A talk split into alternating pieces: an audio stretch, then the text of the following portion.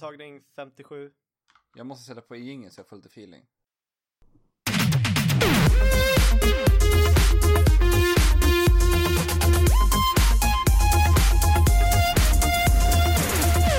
Välkomna till Trekraften. Vi har nu nått avsnitt 8 och jag heter som vanligt Alexander Briley Kramer. Med mig har jag även min kära bror, Andrew. Ja, heja, heja. Och så har vi även tillbaka... Uh... Oj, Sen har vi även... Tänk- försöker du presentera mig nu? ja. Jag är tillbaka från vadå? Från Norge. Och vad heter jag? Du heter Fabian Hugert. Det stämmer bra det. Ja men vad trevligt att ha dig tillbaka Fabian. Ja, alltså det var jättetråkigt att inte kunna vara med förra gången. Jag hade hoppats på att kunna vara där på en fjälltopp någonstans och hitta wifi och kunna, kunna vara med på ett hörn på förra avsnittet. Jag missade en hel del i spelvärlden förra veckan. Det gjorde jag, fast jag missade ju inte det. När, när jag var vid en fjällstuga så fick jag ett sms från Andrew där jag fick de otroligt sorgliga nyheterna att Satoru Iwata är död. Och det var ju inte riktigt så himla kul att få de nyheterna när, när eh, I början på semestern så. i början på semestern. Eh, men det, jag tror att det var lättare att hantera det också. För att det, det, när du är ute och vandrar så tänker du mest på, på eh, den stunden som du är inne i. Ja, precis. Jag förstod nog inte riktigt vad det innebar då. Jag var nog inte emotionellt kompatibel för att ta in det. Men nu, nu när jag kom hem i natt och tänkte efter lite så han har ju format hela min, barn, min barndom, hela min uppväxt. Ja. Och, och, han, och han var fortfarande ung. Och han var bra. Va? Och så försvin- det, är, det är så fruktansvärt sorgligt. Ja. Men, Men annars så- så... har du haft det bra på din semester. Annars har jag haft det helt fantastiskt. Härligt. Ehm, för de som var intresserade så var jag i Jotunheimen nationalpark och vandrade omkring där på fjälltopparna och ner i de grönskande dalarna. Fick du någon... Helt eh, fantastiskt. Hade du användning för någonting du har lärt dig i spelens värld? När du var ute där och vandrade? Ja, eller på ett sätt kan du se eh, ja, resande överhuvudtaget, men vandrande också eh, som ett spel. Att du når vissa checkpoints här och när, när det är som tyngst att gå. Att vandra. Men jag vet inte, det, det är väl en mentalitet jag alltid har. Hade du laddat upp med Bear Grylls som Andrew gjorde innan han drog iväg på sin Nej, vandring nej. förra året? nej, nej, nej. Det, är- det är inte första gången jag vandrar. Okej. Uh, vilket är tur, annars hade jag nog aldrig klarat det här för att på, ibland var det riktigt, riktigt tungt. Men Fabian. Ja, Jag måste bara fråga. Du har ju lyssnat på vårt avsnitt som vi spelade in utan dig. ja, Hur var det lite, att... lite halvt. Uh, Men- eller, eller jag fick lyssna på det i etapper för att jag inte lyssnat på det hela genom, i, i en genomlyssning. Men Men hur Ja. var det att lyssna när du inte var med? Kände du att du ville hoppa in och säga ditt ibland eller? Eh, ja, eller det, det var väl som att lyssna på vilken podcast som helst antar jag. Eh, där, där jag också ofta känner att jag vill hoppa in och, Ja. och kommentera. Eh, jag, jag tyckte det var väldigt bra inslag att uh, ha, ha med hans Staffan, hette han väl? Ja. Ehm, som, som är väldigt insatt i Street Fighter eller fighting-spelens värld. Eh, det, ja, Jättekul gäst. ja. Verkligen. Men Och, ändå... och Ebbe där, han, han tog ju min plats väldigt bra. Jag tycker om Ja. Ebbe. Det gör Ja. vi. Det gör vi. Men när vi ändå snackar om Staffan och, och lite fighting va? Så har ju nu Evo 2015 gått förbi oss. Ja, och jag har inte ens sett någonting av det. Och det är sorgligt att det skulle gå ihop med eh, min frånvaro. Nej, Men så är det ibland. Nej, det är väl jag och Ja. Anders som har följt eh, något, så gott vi har kunnat i alla fall. För det har ju gått sent om nätterna. Ja, Så att man har ju exakt. fått liksom sitta uppe och försöka hålla sig vaken så gott som. Alltså jag hade ju tagit för givet att alla finaler skulle vara på söndag. Eh, jag hade inte kollat schemat riktigt så jag var ju uppbokad på bio på lördagen. Och då var det ju Smash 4 finalerna. Precis den tiden när jag sitter på bio, i biosalongen. Ja, det var väl exakta tiderna från typ Ja. 21 till 23 som eh, Smash-finalen gick då. Ja. Så det var ju eh, lite tråkigt. Men jag hann i alla fall se the grand final så att säga. Precis efter filmen var klar. Ja, Och- som, som vi sa då förra veckan om den här uh, oslagbara Zero så gick ju han och tog hem eh, vinsten även på Evo. Han vann nu gör. igen alltså. Ja, precis som han gör, gjort på alla andra turneringar. Det var lekstuga igen. Ja, det var egentligen, han vann med 3-0 i finalen och så. Ja, 3-0. Zero har verkligen dedikerat hela sitt liv till Smash, som jag förstår det. Jag har ingen jättekoll egentligen på honom så direkt. Ja, det, det kanske inte alls var han, men jag för mig att det var någon, eh, jag såg någon innan Zero eh, mm, var, var den här os, oslagbare. Ja. Eh, att, att han hade bara suttit inne och nött hela dagarna och hela nätterna. ja, alltså han är ju helt otrolig. Ja, han är ju riktigt, riktigt jag, jag hoppas att, Kapabel. eh, jag hoppas att eh, folk blir mer motiverade nu till att verkligen spöa honom alltså. Ja, men om, om, han, om det var lekstuga nu igen på Evo, alltså det, det känns nästan hopplöst. Du vet Fabian, jag vet inte om du vet men de sa det efter finalen var klar va Alex, var det inte det? Ja, Att eh, Zero är sugen på att börja spela med Lee. Aha. Och det är ju ändå lite förståeligt faktiskt. Ja, jag förstår det. Om, om han inte kan möta någon utmaning Ja, på den platsen han är nu. precis. ja, men han, han vann ju med Diddy i alla fall, det var kul att se. att- Så att inte Chic är den bästa som alla tror. Utan det handlar inte om att, att det är en gubbe som är bäst. Utan det, är, det verkligen ligger hos, hos spelaren. Ja, ja. Men det, det är ju genialiteten bakom Smash. Ja. Och när vi ändå pratar Smash så kan vi hoppa till och snacka med, med Liv, vem som, hur gick där? I Mm. de finalerna. Du kollar på dem också, Andrew? Ja, ja, det var ju på söndag natt. Så jag, hann in, jag såg inte finalen men jag såg, Ja, ja, jag såg hela top 8-delen. jag såg Där. några finalmatcher sådär men inte the grand final. Du såg inte finalmatchen alltså? Nej, jag såg det i efterhand. Okej. inte, inte live. För där i har vi, fick vi faktiskt en svensk vinnare. Armada. Adam Lindberg heter han va? Ja, det var kul. Det var Ja, första gången han vann Ivo. ja. Det hade ju Jätte- dominerats av han Mango som hade tagit de två år, de, de två föregående åren hade han vunnit. Mm. Så det var, han mötte en Hungry Box där i finalen. Mm. Han mötte honom en gång innan också. i- Ett- skickade honom till Losers Bracket och sen så Precis. tog sig Hungry Box upp till eh, Grand Final. Mötte Armada. Armada vinner, vad var han, vinner med? Jag tror det var, han hade väl tre, 3-2 och sådär. ja, jag tror det var tre stocks kvar hade han tror jag. Ja. Nej men det var ja, en jättespännande final. Det- Ja, han är riktigt grym på det där spelet. Ja, verkligen. Kul! Verkligen.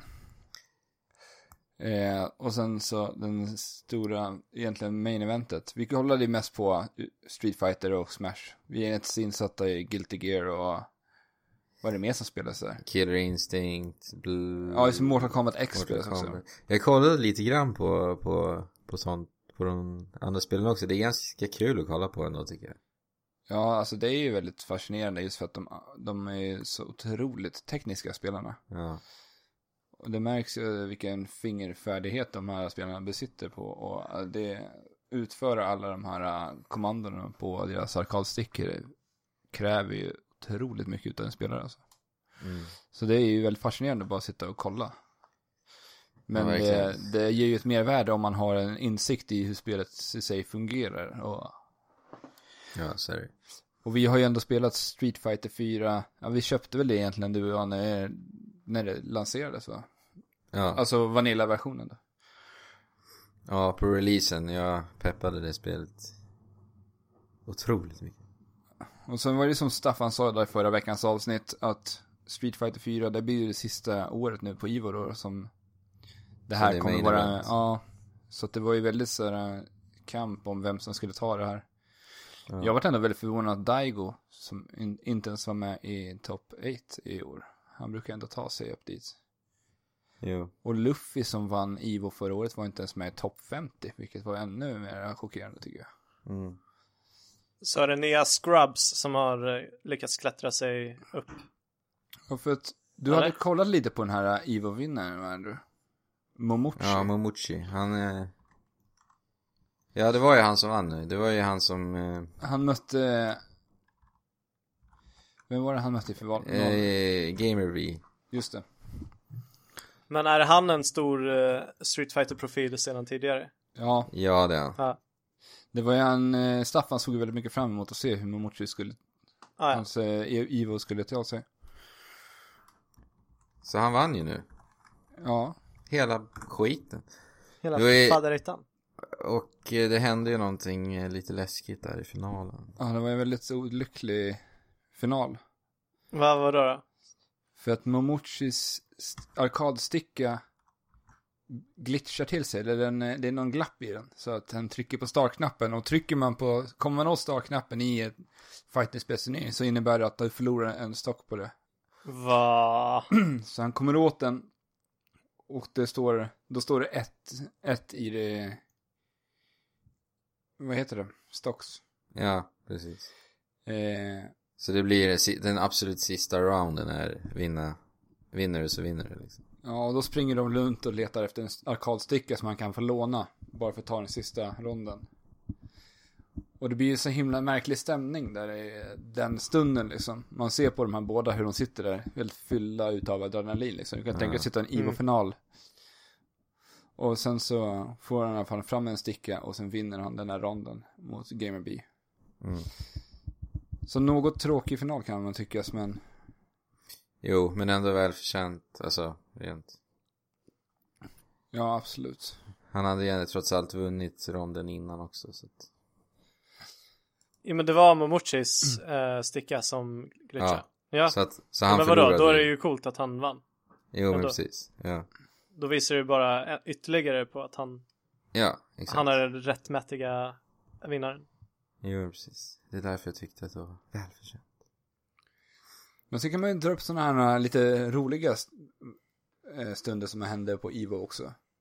Ja, det är ganska mycket sånt. Ja. Ja, det dyker ju alltid upp sådana roliga saker. Det, bland annat så var det i semi, var det nej, top 8-finalerna, den sa semin i Guilty Gear. Mm. Så var det alltså en eh, som utför en specialattack, alltså en, eh, vad ska man säga, en superattack. ja, precis. Som eh, gör att andra spelaren tar väldigt mycket skada och det ser ut som att han, eller han vinner den ronden. Ja. Men han har inte koll på hur många stocks han har. ja, så han tror ju att han vinner hela, ma- ja, hela just det. matchen. Den såg jag. Men det gör han ju inte, så han står där och jublar ut mot publiken medan den andra motspelaren krossar honom Ja. Men på där, tyckte jag var fascinerande att så, alltså, ba, bara för att han var borta i några sekunder så lyckas han få in en kombo som bara helt och hållet förintar eh, han som trodde att han hade vunnit. Ja, det är, men det är det som är så himla fascinerande med just fighting-spel. att Ja. Har man den där, äh, hittar man den där lilla, lilla luckan och bara får in något ynka slag så kan du utföra ett kombo och egentligen ta ut hela din livmätare på motståndaren. Ja.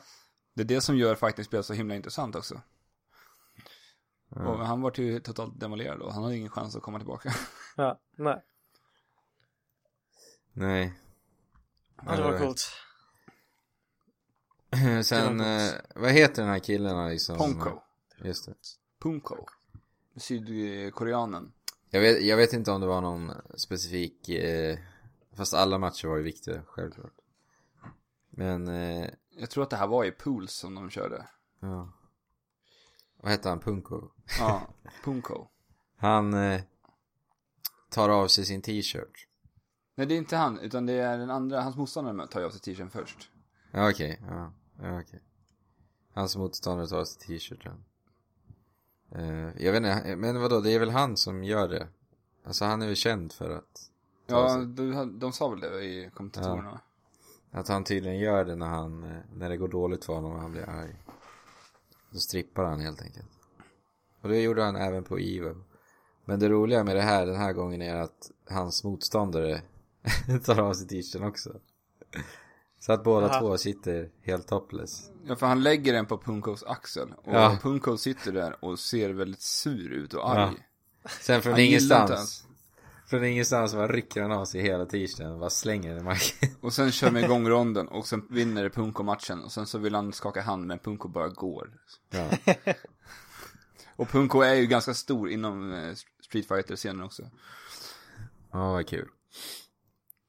Ja, det finns lite kul. Jag såg någon eh, från Killer Instinct också, någon kille som gjorde världens vändning. Han typ hade så lite liv som man knappt kunde se det och det var typ sista rundan. Men sen så lyckades han vända och vinna istället. Det, det är ju så häftigt när man ser det, när kommentatorerna skriker. Det, är- ja, men det bara, blir bara en härlig stämning. Liksom. Det blir så här Ja. mäk, mäktig stämning. Nej, jag tyckte att Ivo var otroligt bra. Och det är verkligen fascinerande hur man ändå, jag tror Street Fighter hade 2200 anmälda någonting. Mm. Alltså att man lyckas hålla tiderna så pass bra som de gjorde på Evo är ju väldigt fascinerande alltså. Alltså Ja, förstå hur verkligen- många som deltar i den här turneringen.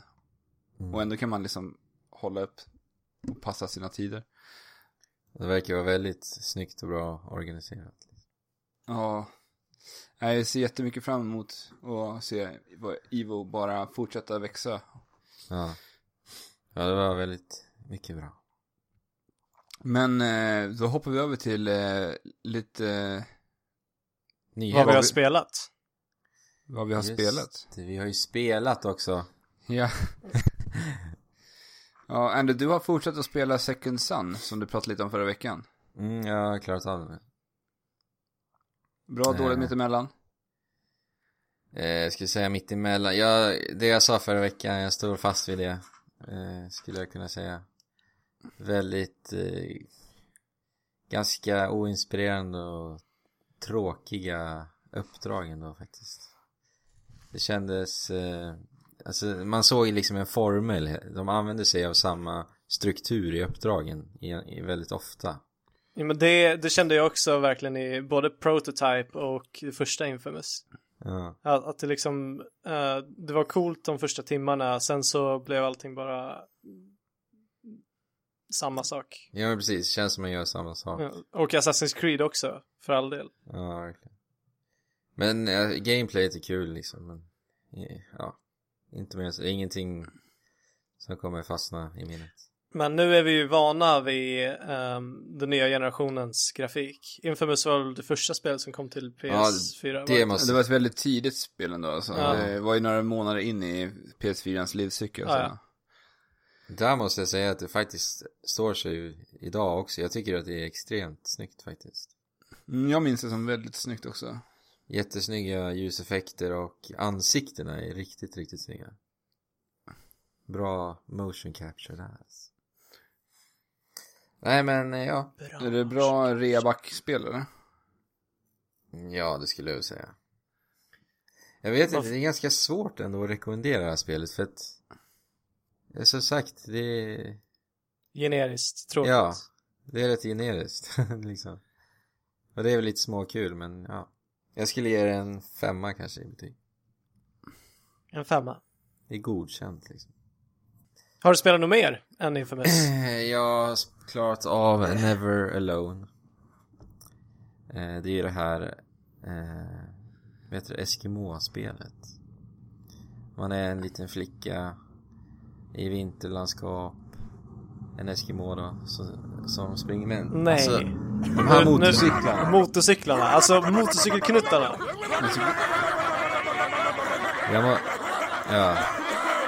Alltså jag måste ha fönstret öppet också för det är så varmt i min, i mitt rum. Ta om hela Never Alone-delen. Never Alone har jag klarat av också.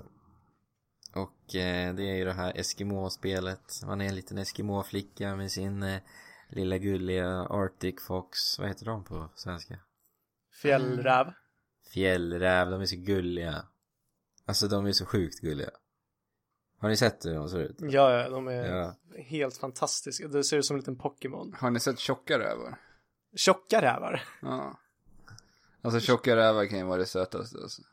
Nej, jag, jag tror jag aldrig sett en tjock Nej, räv. inte jag heller faktiskt. De är ju alltid spinkiga. Ja, nej, ni måste se tjocka rävarna alltså. Men fortsätt prata om räven i Never Alone. Mm, nej men alltså Never Alone eh, det började jättedåligt tyckte jag. Det var alltså Väldigt tråkig plattformande och Det hände inte så mycket. Det handlar om att man ska stoppa en eh, Snöstorm i princip. Hon, hon, Man är tjejen då som ska gå.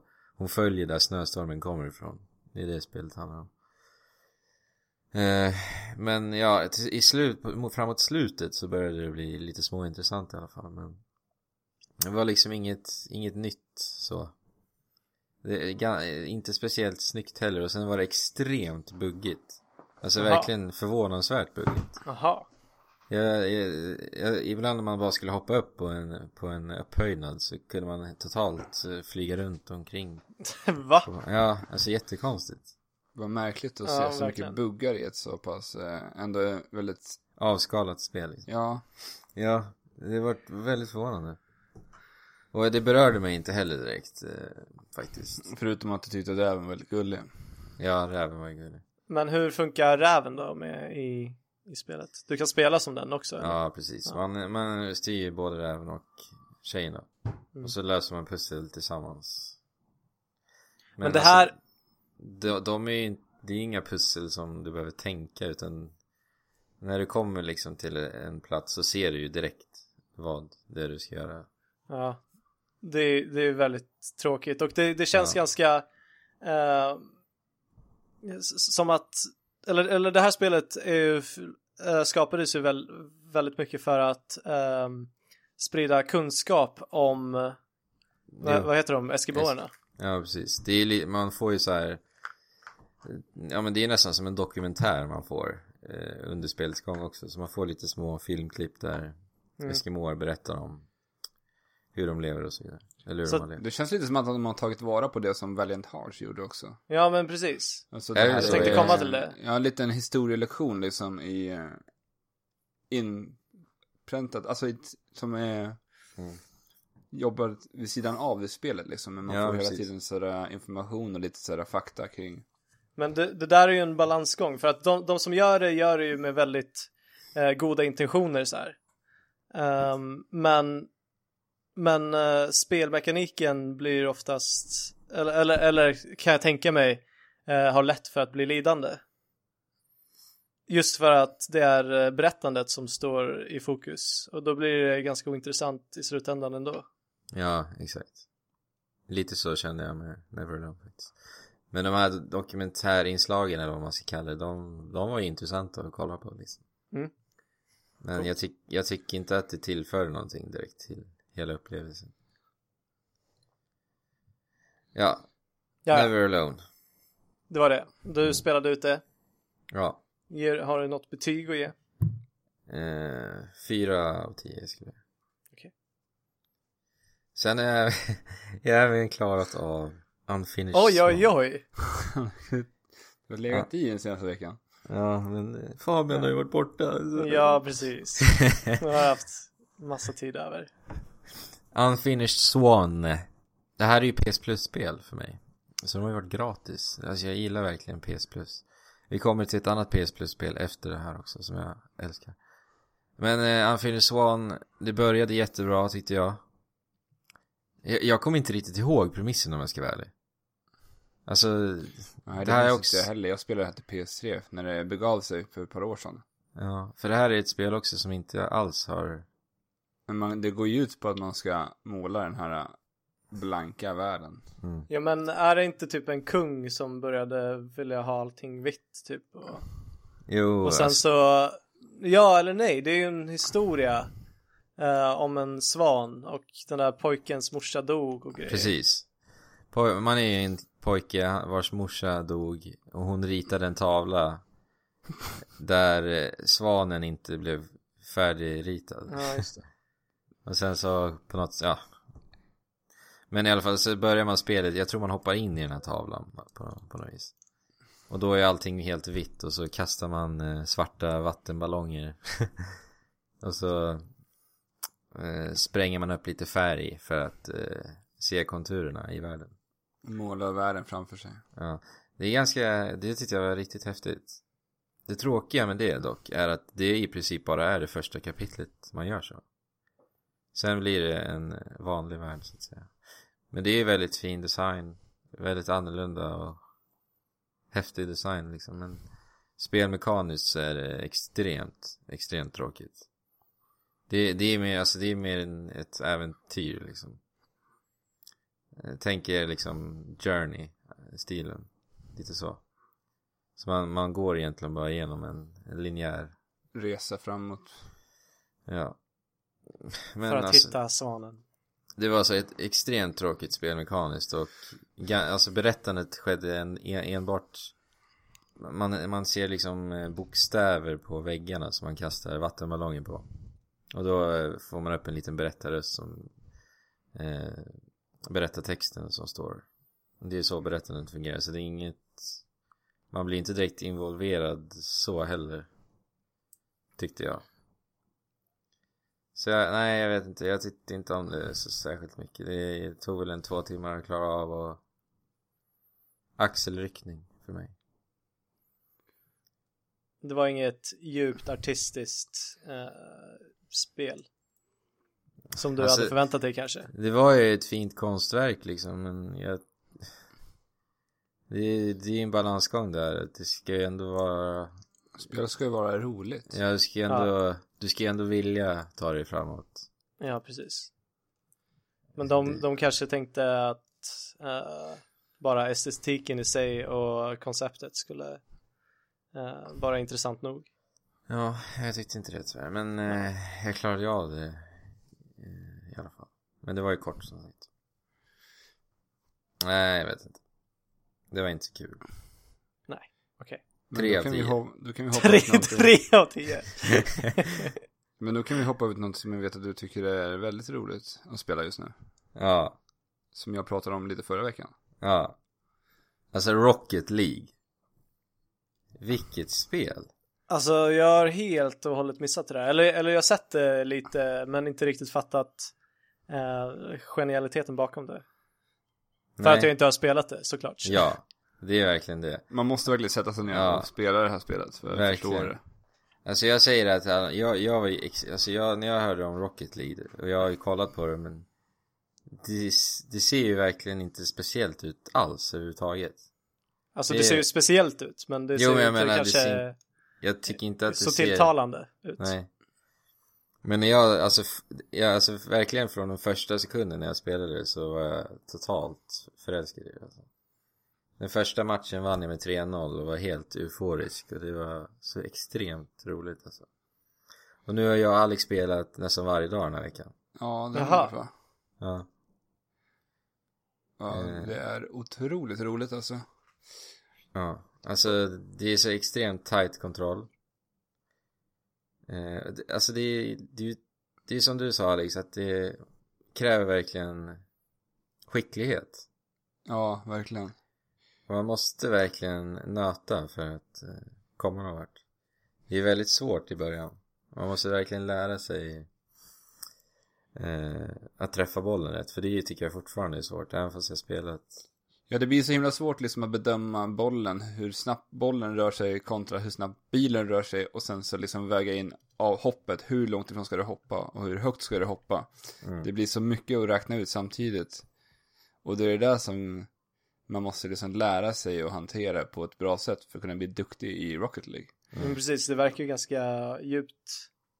Eh, där det kan vara svårt att så här eh, bara, om, om du är ovan, att, att i ett 3D Mario hopp, eh, träffa en eh, fiende på huvudet.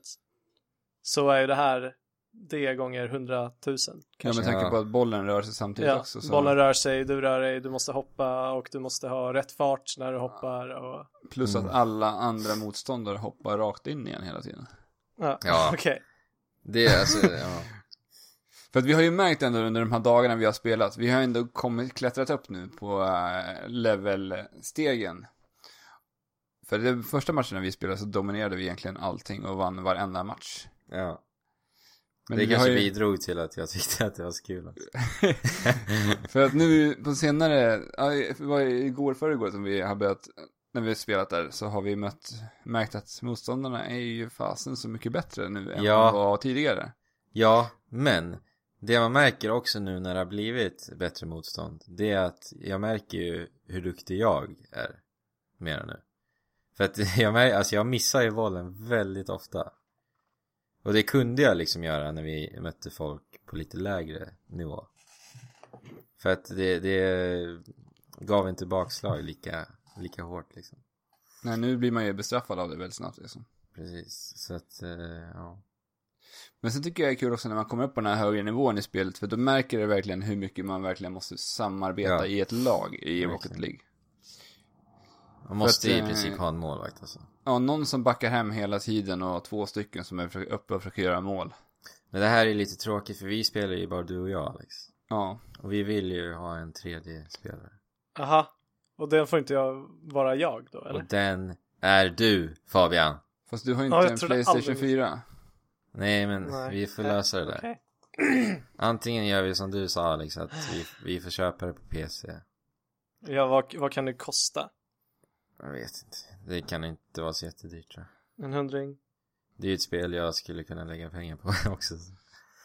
Men det ska ju vara cross-platform. Men eh, eh, frågan är ju hur hur ska vi kunna invita eh, från Playstation 4?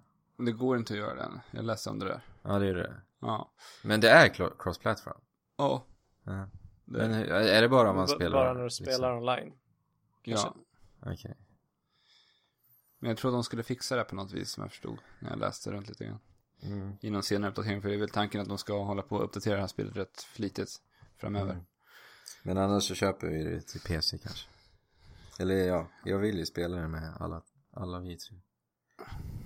Ja. Alltså- Och vi vill ju att ni lyssnare ska kunna möta oss i Trekraften också. Det var himla roligt. Ja, vi har varit, vi har ju våran trekraft här va. Så att, eh, har ni någon trekraft? så, Någon trekraft som kan utmana våran trekraft. så gör vi en eh, sexkraft av det hela. Precis. Eh, Sexkraft. Okej.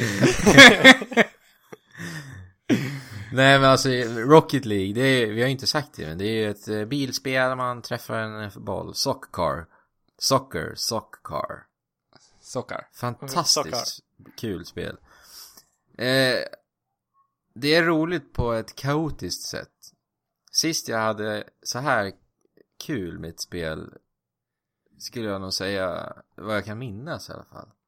Det skulle nog vara Smash. Håller du med Alex? Ja, det gör jag nog faktiskt. Alltså det påminner lite om, alltså det, det är lekfullt på samma sätt som Smash är lekfullt. Ja. Ja men du vet, alltså vi skriker ju liksom på varandra. Ja, alltså vi Och låter ju riktigt jävliga när vi sitter och chattar alltså. Ja. Vi skriker ju som små flickor när vi missar bollar och uh, gapar Nej, och jag vill också vara med på det där. Ja. Och det har till och med gått så långt att en vän till mig som var hemma hos mig. Han kom in till mitt rum och sa Andrew, jag har aldrig ha- hört dig ha så kul. så det säger en del. Alla säger med, del. alla med Playstation 4 Ni ska ladda ner Rocket League. Jaha, nu ger vi ut befallningar till våra lyssnare också. Nej men det är verkligen jätte... Det är ju gratis på PS Plus så att Ja, men då så. Alltså, jag kan säga så här, faktiskt. Hade inte jag haft Playstation Plus så tvivlar jag på att jag hade spelat det här spelet. Ja men det var ju som jag sa till dig också. Men det, det vinner väldigt mycket på att just vara ligga på PS Plus nu tror jag. Ja, Det verkligen. här spelet. Det vinner jättemycket på det. Jag läste också att det har fyra miljoner nedladdningar på PS Plus. Ja. Oj. ja, det är extremt kul. Jag vill, vill spela nu alltså. Men vi kanske spelar lite senare. Ja, det vill jag. Du måste prova det Fabian. Men sen kommer ju eh, Street Fighter betan imorgon så att det kanske inte blir så mycket Rocket League. Nej, det måste Nej. spela. Men, jag och eh, Alex kom ju med på den. Jättekul. men eh, när vi snackar, Street Fighter hoppar vi in på eh, nyheterna direkt då. Nyheter. Då blir det nyheter. Street Fighter 5. Vad har vi fått höra om Street Fighter 5? Vi har fått höra ganska mycket om Ja, Street Fighter 5. väldigt mycket. Men det har väl antagligen varit lite i samband med Evo då. Ja, för de visade upp en ny karaktär. De har sagt att de ska ha fyra stycken nya karaktärer som kommer följa med i grundpaketet med Street Fighter 5. Och då har vi, Nej. 16. ja med fyra nya, Ja, du menar helt nya ja helt nya Ja. eh, serien. Ja, just det. Och Nekali är en utav dem. Ja. Nekali. Någon eh, riktigt brutal vilding alltså. Ja. Jag Med- gillade designen på honom. Ja, att han påminner lite om eh, han Oni ifrån, eh, Ja, faktiskt, när du säger det. fast som någon lite mera, ja, men lite åt det, det hållet i så här, han är väldigt så här ruffig liksom. Och, Vad, vad, het, vad sa du? vad hette det här spelet? Uh, Aku, Akuma? Akuma ja, Akuma. Det, han påminner om, om eh, han. Ja, för eh, Oni är ju en, eh, han är Nej. väl typ besläktad med Akuma på något vis också. Så de är, jag tänker Ja, att det skulle kunna ha någon koppling till Akuma och uh, Oni då, för att de påminner rätt mycket om varandra de här karaktärerna. Men jag gillar Ja. hans stil, alltså han har det här, han är väldigt brutal i sina, han, mycket grappling och kastande liksom. Ja, väldigt så aggressiv, liksom. Riktigt straight on karaktär bara och rakt på. Och eh, påminner, jag tänker lite på Abel, hur han var i uh, Street Fighter 4. Mm. Och att de kanske ser Nekali som en ersättare kanske till Abel typ. Mm. Men sen, eh, Street Fighter 5 har ju det här nya V-trigger-systemet. Vad innebär Har- det då? Har du förstått vad det är, Alex? Nej, Inte jag heller riktigt. Vi får väl se imorgon. det är väl det som kommer ersätta fokussystemet då. Ja, precis. För att i och med varenda Street Fighter-del i serien som har kommit så har man liksom infört nya spelmekaniker. Som i Street Fighter Third Strike så hade man ju parry-systemet där man tryck, tryck fram på varenda slag för att kunna para, paria, par, Ja. parera. parera det slaget, vilket gör att man inte tar någon skada överhuvudtaget. Ja. Och Street Fighter 4 hade fokussystemet där man höll in eh, två knappar för att ladda upp ett superslag och under dess, denna uppladdningen så kan man ta ett slag i skada. ja, precis. Men tar man två så bryts den. Men träffar man det här slaget så blir den lite stand under ett tag, vilket kan göra att man kan gå fram och eh, börja påbörja ett kombo. Ja. Men det ska Eh, bli intressant att se vad det är systemet är, för jag har ja, inte heller någonting. Nej, jag har inte riktigt satt mig in i. Men vi ska ju spela betan imorgon, så då får vi se vad det är. Men eh, ehm, vid, vid varje ny version tas de här nya bort då eller Ja, de tar fortsätter bort. de? Okej. Men eh, han har ju dreadlocks innan han använder den här V-trigger. Jaha, så det var den som var V-trigger-grejen när han eh, får de här brutala röda eld-dreadsen. Super ser- Saiyan Mode. Ja, han ser ut som att han brinner i håret. Det är Ja. cool design där faktiskt, tycker jag. Men sen har vi ju också, de berättade även under Evo-veckan att Street Fighter 5 kommer att släppas nästa år och det kommer ha 16 stycken karaktärer med i spelet från början. Där- Varav fyra stycken är då helt nya karaktärer för spelserien. Yes. Och eh, spelet kommer då säljas för fullpris. Men istället för att göra som man gjort med tidigare, eller med Street Fighter 4 och alla andra Street Fighter-spelare med alla Ultra, Super hit och dit och Alpha, Super, Turbo. Ultra, Turbo, uh, hit ja, allt vad det nu heter. Så kommer de att ha mikrotransaktioner i det här Mm. spelet. Oj. så de Fast- kommer, de kommer ju se det mer som en plattform helt enkelt. Street Ja. Fighter 5. Precis. Men du kommer ha två stycken olika valutor i Street Fighter 5. Varav ena valutan heter Sennis. Och Sennis är det som du betalar för riktiga pengar. Mm. Och sen har du Fight Money. Som du kommer kunna få genom att spela spelet. Men vad är det för saker som, som du köper? När de lanserar nya karaktärer, nya banor, nya kostymer. Ja, ja. Sen Ja, vi- ja. Förstår du? ja. Så Fightman, du kommer ju fortfarande kunna tjäna ihop pengar.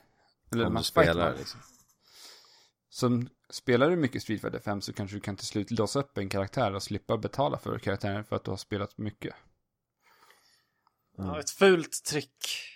Fast jag tycker nästan att det här är bättre för Street Fighter 5. För att eh, istället för att hålla på och släppa som de har gjort tidigare. Jag menar hur många versioner släppte de inte utav Street Fighter 4? Ja, men det är sant. Jag tycker också att det här är en bra... Jag gillar det här. Ja, jag tror att det här är jättebra och jag tror att det här är bra för nya spelare också faktiskt någonstans. Ja, Jag har ju aldrig varit insatt i Street Fighter.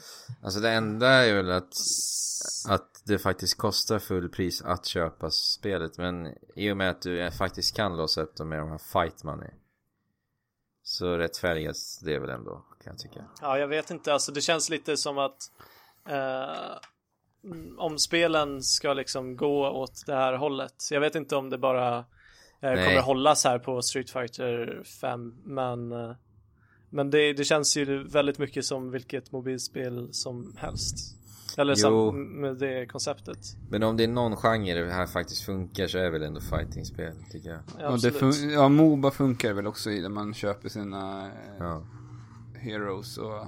Men Där är ju ofta free to play och sen så köper du de karaktärer du vill ha och sen Ja. kan du låsa upp dem. Ja, eh, precis.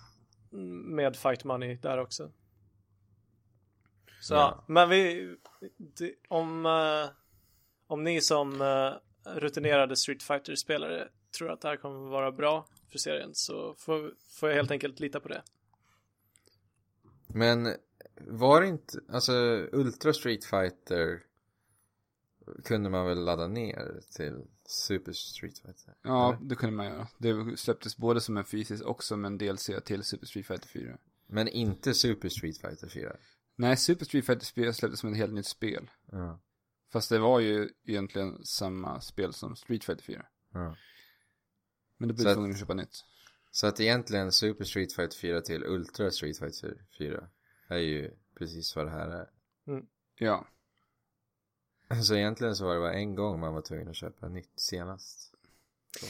Ska vi gå vidare i nyheterna? Ja. Rise of the Tomb Raider. Rise of the Tomb Raider. Men det kom ju bara till Xbox One ju. PC. Och PS4 ett år senare. Ja, till PS4 kommer det ett år senare. Och till PC kommer Rise of the Tomb Raider att släppas tidigt 2016. Och till Xbox One när släpps det då? 10 november, samma dag som Oj. eh, Fallout 4 har jag för mig. Väldigt, väldigt stort tidsspann. Ja. Så alltså till Playstation, alltså ett år. Det är helt sinnessjukt. Men Det är det nu de i alla fall sjukaste. jobba på att få till en riktigt, riktigt fin hårfysik i det här spelet. Ja. Ja. Eller vi, så, lägger, få, vi får ju se enormt fin hårfysik i PS4-versionen säkert. eller så är allting, Jag hoppas det. allting packat och klart. Eh, Lastbilarna fulladdade med PS4-versioner. Sen när det har gått ett år så trycker de på en knapp så skickas allt ut. Det, det är väl förmodligen så det kommer vara. Ja. Nu när Ivo är över så kan det ju kännas ganska tomt. Men eh, då kan vi ju eh, väldigt glatt säga att Games Done Quick börjar den här helgen. Så att om du inte har någonting att göra på, eller något bättre för dig att göra på din semester så kan du alltid kolla på gamla godingar, gamla Och- goda spel. Men vad är Spelas Instant väldigt Quick för de som inte vet det Fabian? snabbt. Det är ett uh, speedrun-event som hålls två gånger om året. Eh, Summer Games Done Quick hålls på somrarna. Nu kommer det börja när det nu är, från 26 juni va? Nu på söndag va? Är det nu? på- Det är Jag tror det är söndag. på söndag. Och det pågår nästan hela veckan tror jag. Jag, vet inte, jag är inte riktigt säker. Ja. Men eh, ja, och här, här sitter eh, spelare som är eh, mer eller mindre experter på respektive spel och spelar igenom så snabbt de bara kan. Eh, medan folk donerar pengar till eh, Läkare Utan Gränser. De brukar ha olika varje gång va? Ja, nu är det. Läkare Utan Gränser igen. Det var det förra gången också, Mm. har jag för mig. Ja, det håller på till 2 augusti så det är exakt en vecka. En vecka. Nej, jag tycker det är jätteroligt. Jag, sen, när det var i vintras alltså, så gick jag hem från jobbet och satte mig och, och kollade på det här. När jag inte Mm. hade något bättre för mig. Och det är ju ganska kul att bara sitta och slökolla på Ja. folk som är duktiga på, eller som bara snöat in sig på spel och Ja, verkligen. Det är så Och- mysigt att bara ha det på i bakgrunden. Det, det, finns, det finns ju ett schema också som du redan nu kan kolla upp. Eh, Ja. Om du söker på uh, Games Done Quick. Jag vet att de skulle börja hela, hela kalaset med att spela Yoshi's Island som jag är lite Ja. nyfiken på. Precis. Det stämmer. Ja, gamesdownquick.com kan ni gå in. Så ser ni schemat där. Där tycker jag, brukar jag tycka det är roligt att eh, kolla på de spelen, eller eh, pricka in de spelen som eh, jag är intresserad av. Och sit, sätta mig med, eller bänka mig framför datorn och titta medan de spelar mina favoritspel. Ett spel jag vill se det är Portal. Mm, det kommer de ju spela. Portal 2, väl? Eller var det original Portal? Ja, jag ser det bara just nu i alla fall. Men Andrew, Mm. vad är det som händer med Batman till PC egentligen? Ja, det händer ju en hel... Eller det händer inte så mycket just nu. Nej, det händer inte alls mycket på den fronten alltså. Nej. Men. Arkham Knight eh, är ju fortfarande trasigt på PC och det kommer komma en uppdatering i augusti. Till PC-versionen. Eh, och det här är alltså någon form av, de ska fixa några problem i den här uppdateringen. Eh, och sedan så kommer de släppa en större uppdatering i, septe- i september, oktober någon gång där. Men det kommer ju alltså inte vara spelbart förrän i augusti. Nej, om du har tur. Så att säga. Alltså om du är en av... För vissa kan ju spela spelet idag. Ah, ja, helt utan problem. Ja. Ja, okej. För, eh, och 30, de kommer i den här augustiuppdateringen så ska de tydligen inte fixa eh, frameraten. För det är det som har varit mest... Eh, Det här är diabilds framerate. Som Ja. är, den är ju låst till 30 FPS. Eh, och eh, PC-spelande är 60 FPS standard i princip. Så... Men det kommer de att fixa till september, oktober någon gång. Så att det är fortfarande inte riktigt spelbart för allihopa. Det är ju sjukt. Ja. Jag undrar alltså Jag tänkte på det Vad, vad händer med de, de som har liksom köpt så här season pass till PC-versionen? För de släpper inget DLC alls Till Batman Nej, inte till PC-versionen för de har ju dragit in all försäljning ja, de måste ju, jag vet inte vad de ska göra. Alltså. För jag menar Batgirl och det har väl kommit lite till PS4 och, Ja, Batgirl har väl kommit och sen är det någon till tror jag. Så. ja. Så jag menar de stackarna som sitter och har betalt nästan tusen kronor Kan för det första inte ens spela spelet Och de Nej. får in, ingen DLC Nej det är ju Får kolla på, på YouTube när folk spelar det istället. Ja, det är katastrof alltså. Ja, det är illa. Eh, ja, vi har en annan eh, ny utannonsering den här veckan också. Som också skedde på Evo. Rising Thunder heter spelet. Vad är det för något då? Och det är utvecklat ut av Seth Killian som var community manager på Capcom och var väldigt involverad i utvecklandet av eh, Street Fighter 4. Och nu har han gått ihop med två stycken eh, Tom och Tony Cannon som är grundare utav Evo. Mhm. På en studio som heter Radiant Entertainment. Och eh, det är ett så... Det är ett fightingspel. Ja, Men, det kan eh, man gissa.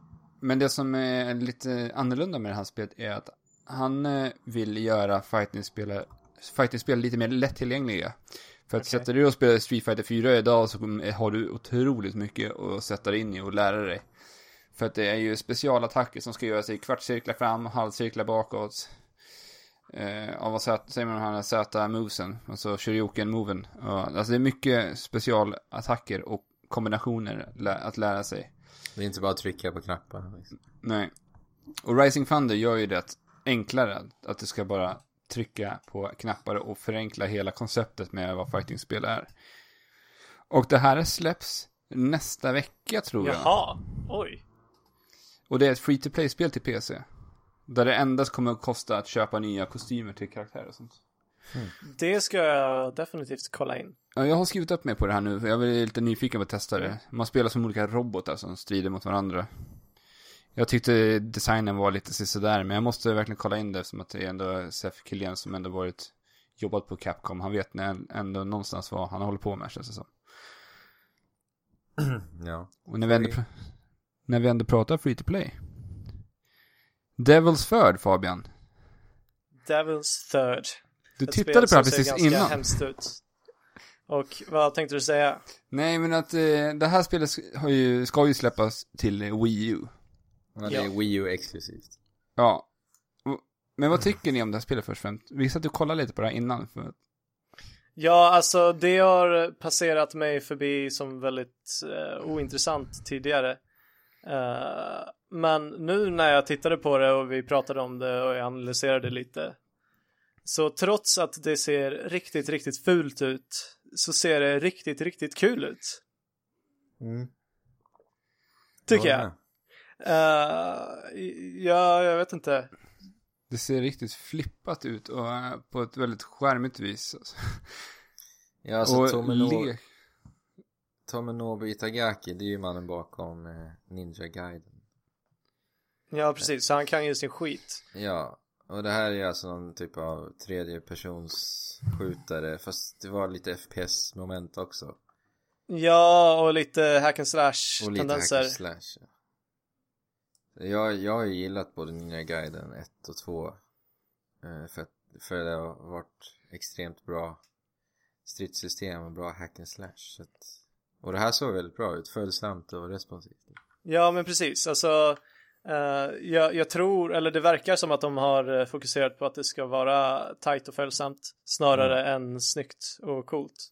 Ja, precis. Eh, och roligt och lekfullt som sagt. Ja. I, I multiplayen såg jag, i, i de släppte en trailer nu i veckan. Och den Ja. multiplayer-del som ska släppas som free to play även till PC och så. Just det. Just. Så multiplayer-delen är inte Wii U exklusiv. Nej. Men man kan ju kasta frukter som granater och morötter och eh, kalla på jetplan som bombar och sen är det samuraj, alltså det är blandas så mycket olika. Ja, det är ett jädrans kaos alltså. Det ser ut att vara väldigt snabbt. Mm. Och ja, Jag gillar ju den här grejen att man kan gå in från tredje person till första person på ett väldigt sådär... det är riktigt coolt. Ja, det flyter snyggt tycker jag. Ja. Det, eller den, det går så snabbt och... Ja, ja till synes, verkligen. Uh, ja, jag, ja jag, jag vet inte varför jag inte ens har tittat åt uh, Devil's Thirds håll Alltså jag tidigare. kan nästan säga, syna det här som en, eh, redan nu, alltså det kan, kan komma till att bli en stor sleeper hit det här året alltså. För det är många som har liksom förvisat det här spelet och inte tänkt på det här för att de har bara tittat på hur fult det här är alltså. Ja, Mm. Ja, men verkligen. det ska jag definitivt testa när det beger sig. Det kommer i augusti redan, 28 Mm. augusti fulla spelet då. Jag vet inte om det kommer free to play-delen till PC samtidigt, men det får vi väl återkomma med. Ja, det är spännande. När vi ändå är inne på Wii U så kan vi ju säga att Project Cars. Vad har hänt med det? Det har Ja, det har blivit, blivit nedlagt nu till Wii U. Mm. Ja, konstigt. Ja, det är ett Kickstarter-spel så det är märkligt att inte kommer alls. Men de, eh, ja. Men de får, lär ju få tillbaka pengarna, alla de som har donerat, Oj. eller? Ja, alltså det borde de. Ja, annars så ju lär ju de bli stämda på hur mycket som helst. Ja, Eller- så skickar de ut en t-shirt till alla som vill ha ett Wii U. Han får en t-shirt. Vad ska det stå på den? Var glad! Project Cars Var Wii U på glad. ryggen. Ja. ja, ja. Ja, Men eh, sen har ju Shenmue 3 har ju S- Som samlade in 6,3 miljoner dollar ja, på Kickstarter. Så den är slut nu, så vill man knega virtuellt i Japan så kan ni nu göra det om två år. Och hitta kärleken och samla på små figurer. vad fan ska man stanna på figurer när man inte jobbar med Sega längre? Ja, Mm. De måste ju sluta ihop något samarbete där med något leksaksföretag. Eller något sånt. Så man kan samla på det, figurer. Mm. Mm. Det är en viktig del i Shenmue-serien.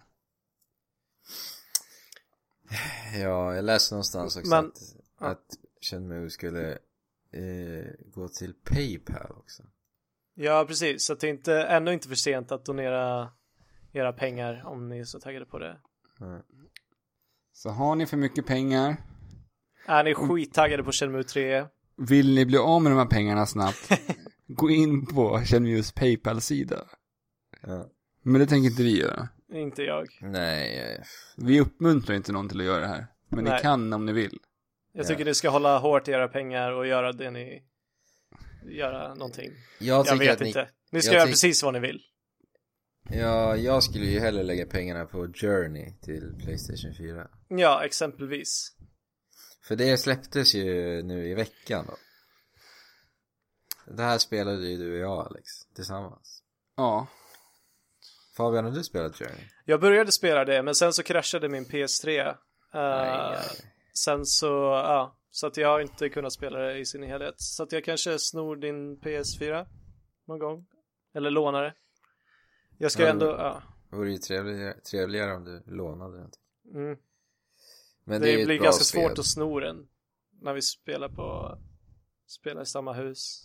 Samma TV, samma soffa, samma händer, Jo, samma, samma ögon. Fast ni har väl samma, ni har väl flera tv-apparater? Ja men det har vi. ja. Men Journey det är ett bra spel, så det tycker jag. Har man inte spelat Journey eh, under PS3-eran så tycker jag ändå att, att det är värt att lägga pengarna på spelet till Playstation 4. Ett annat spel ska ju också komma uh, i en ny utgåva. Och det är Odin Sphere. Som får Jag eh, en är- HD-version. Ultra peppad på det här spelet. Mm. Har du spelat Alltså- Odin Sphere tidigare? Eh, jag har eh, tänkt att spela det här spelet, för jag har två versioner av det här spelet nämligen. ja, oj. Eh, jag köpte det här spelet på Tradera för ett par år sedan. Så gick Mhm. jag in, det var billigt, jag plockade hem det snabbt, köpte nu, fick hem det, visade sig att det var en amerikansk version. Så jag bara, Nej. aha, okej, nej jag orkar inte gå och fixa med det här. Beställde det till PAL-spel. I- I samband med min flytt. Jag tänkte, ja men nu ska jag sätta igång med det så fort jag har flyttat in i den nya lägenheten. Sen när jag ska fått hem det, ska jag leta fram en PS2, då har den för, PS2 försvunnit i flytten. Så att jag har inte haft möjlighet att spela mina Odins PS-spel. Och jag har ännu inte hittat min PS2. Nej, jag har ju också en PS2-version. Har du spelat det här? Jag har inte spelat det i sin helhet för att min PS2 kraschade också sedermera. Jag vet inte, det, jag tror inte de kommer med något datum på det här, med att det ska komma i framtiden. Nej. Och eh, jag ser väldigt mycket fram emot det här spelet. Jag tycker att det har en otroligt tilltalande estetik. Och eh, det här 2D Ja, ja, jättesnyggt. Det blir ett spel, det blir spel på det när det kommer. Ja, men vi har ännu mera e-sportsnyheter. Mycket sånt den här veckan. Jaha, då, det kunde vi tagit i samband med sporten, men nu är det för sent, så nu kör vi det nu då. ESL står för... Står sport. jag har ingen koll. League. E-sports League, eller? Jag antar det. Ja, ja, ja. Alltså, jag vi- antar det. ESL, vi kan nöja oss att säga ESL. Ja. Tycker jag. The E-sport League. Dåligt eh, researcharbete från oss, får vi väl säga där. Men, Men jag det- kan kolla upp det Nej tiden. men skit i det alltså. Ska börja göra dopingtester på e-sportare. Ja, För att det var någon Är det- intervju här förra veckan där det var någon eh, CSGO-spelare som har Ja. berättat hela hans lag. Det- Han heter Semfis i Counter-Strike. Han spelar i ett väldigt bra Counter-Strike-lag som heter Cloud9. Jag har sett honom spela ganska många gånger. Eh, och eh, han blev intervjuad. Jag vet inte vad det var för intervju riktigt. Men där så säger han i alla fall att eh, både han och alla inom, alla som spelar Counter-Strike eh, använder sig av ett läkemedel som kallas för Adderall. Adderall, kanske man säger. det är ett eh, ADHD-läkemedel va? Ja, precis. För att öka koncentrationen antar jag. Ja, det är narkotikaklassat. Det finns ett ämne som är narkotikaklassat i Sverige i det läkemedlet. Okej. Eh, Så man måste ju ha licens för att eh, kunna ta ut det helt enkelt. Men han, de har ju använt det utomlands och så. Ja, det finns ju DreamHack här i Sverige också. Ja, det, det kan, kan ju tänkas att det har använts så också. Ja. Men, det, men då är det bara bra att det börjar med dopingtester. Det är ju klart att det ska finnas det i Jag tycker det är konstigt Eh, att det har skett också. tidigare Ja, egentligen. precis. Faktiskt, För att ändå, e-sport har ju ändå existerat ganska länge nu och det har ju bara, de har ju bara sett hur det växer och växer. Ja. Men det första man skulle misstänka är väl egentligen att folk använder preparat för att liksom boosta sin eh, koncentration när de spelar sånt här. Så att Mm. det är väl på tiden får man väl ändå säga. Ja, ja, men det är bra tycker jag. Och så kan vi ju avrunda de här nyheterna med att säga att Fifa 16 kommer att ha för Messi. första gången. och en kvinnlig fotbollsspelare på omslaget. Ja, men vad heter hon då, Alex? Vi har dåligt researcharbete. Jag har Ja. ingen koll på fotboll. Jag vet knappt vem Messi är. Så att, Nej. eh, Lionel Messi. Men det var en amerikansk fotbollsspelare i alla fall. Så mycket kan jag säga. Ja. Så i, kan i Nordamerika, i Kanada och i eh, Amerika än så länge så kommer det vara kvinnlig fotbollsspelare eh, jämte Messi på omslaget. Det är bra. Kul att... ja men härligt. För hoppas, alltså, jag hoppas att det här eh, inte gör att det här spelet säljer mindre. Nej, usch. Det skulle vara konstigt. Det är hade varit Fifa konstigt. liksom. Men hörni grabbar. Mm. Jag har en liten överraskningsnyhet. Jaha. Vadå?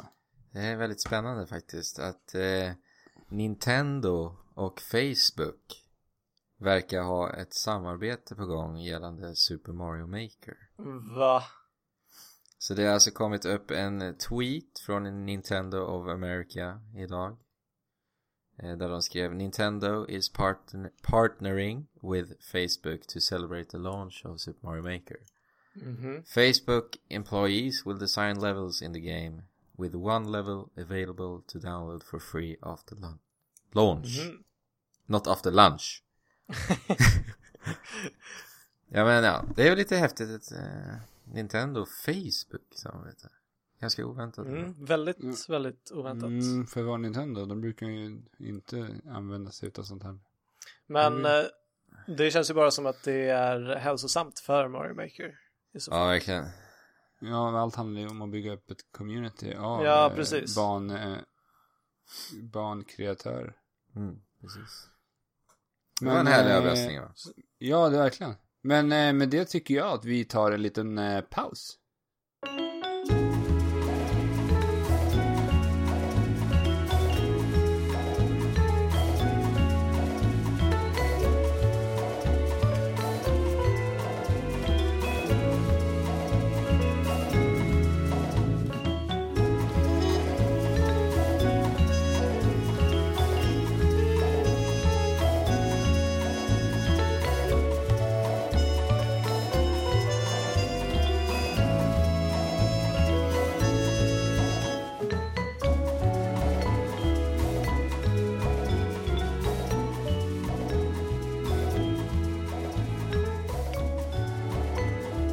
Kickstarter har öppnat nya möjligheter för all världens kreativa sinnen, inte minst ibland spelen.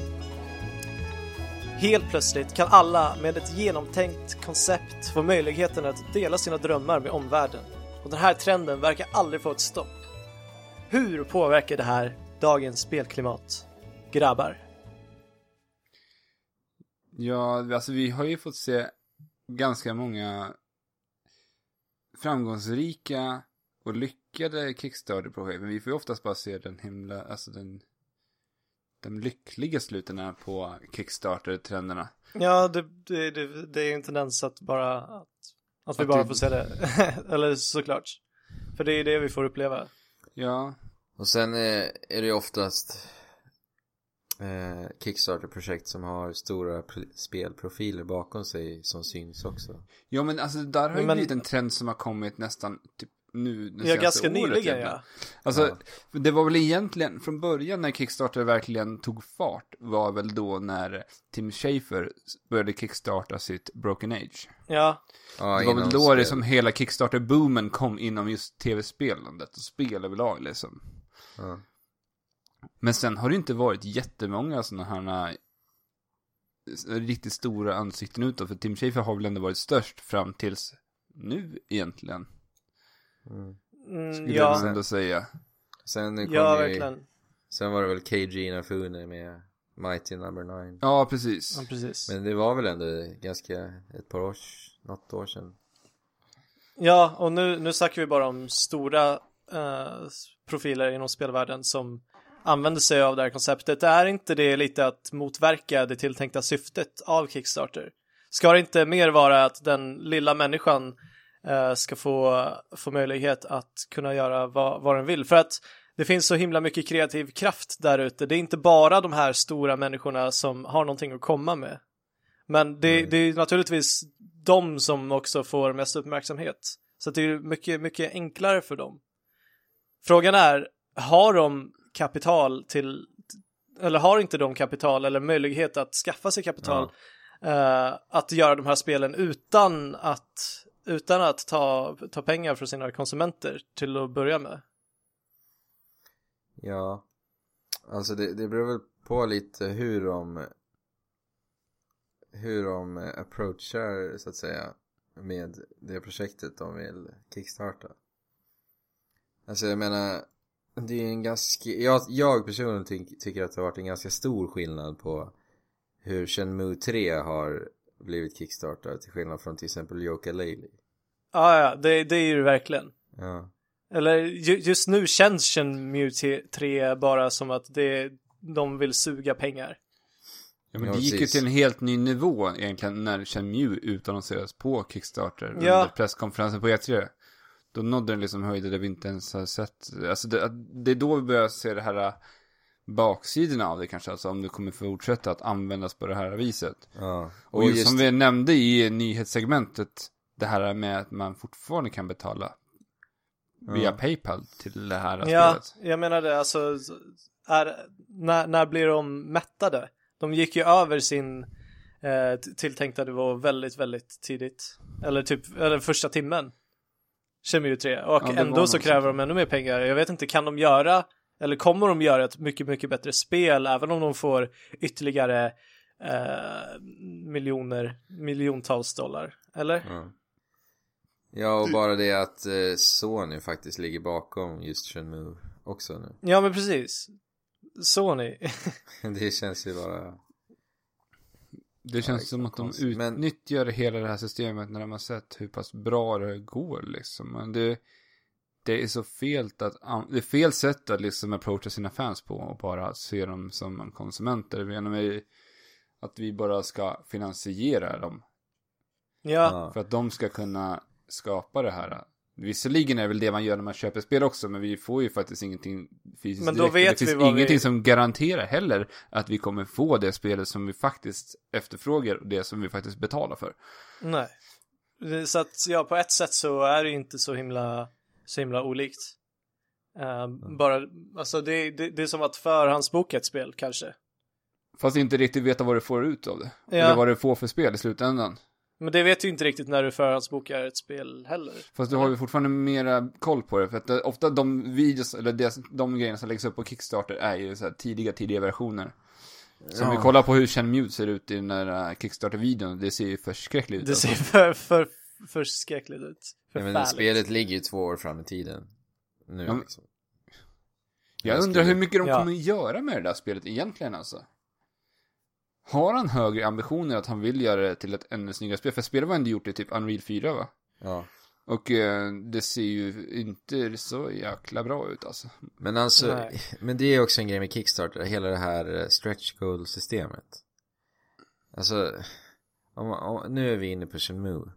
Kollar man på Shenmues Kickstarter nu, så har, den kommer upp som sagt i 6,3 miljoner. Och då har vi alltså ett tiotal, säkert över tio stycken stretch goals som inte har blivit uppfyllda.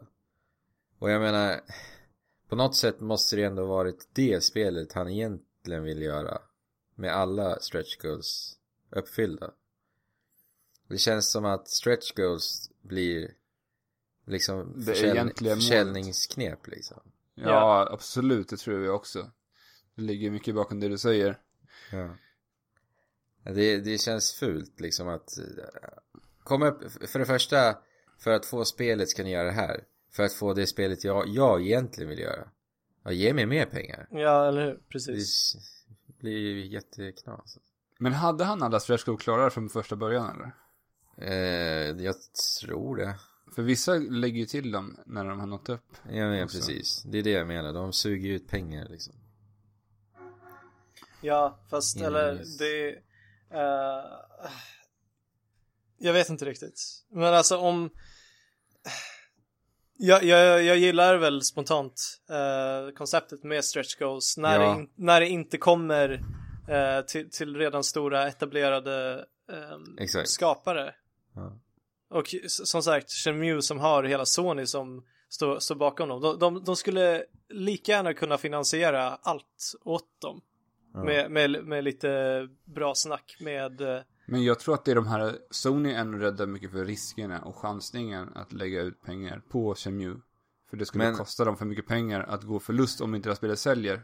Och att jag ser att de använder Kickstarter lite som en måttstock för att veta hur många fans har vi egentligen där ute utav Shenmue också. Ja, Att de ser det på så är- sätt. Så är det absolut.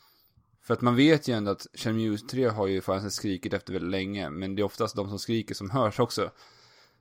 Men ja, som en måttstock så används det och verkligen, eh, verkligen fel. Men det, ja, Ja, absolut. precis. För att om det nu är, om det skulle vara så.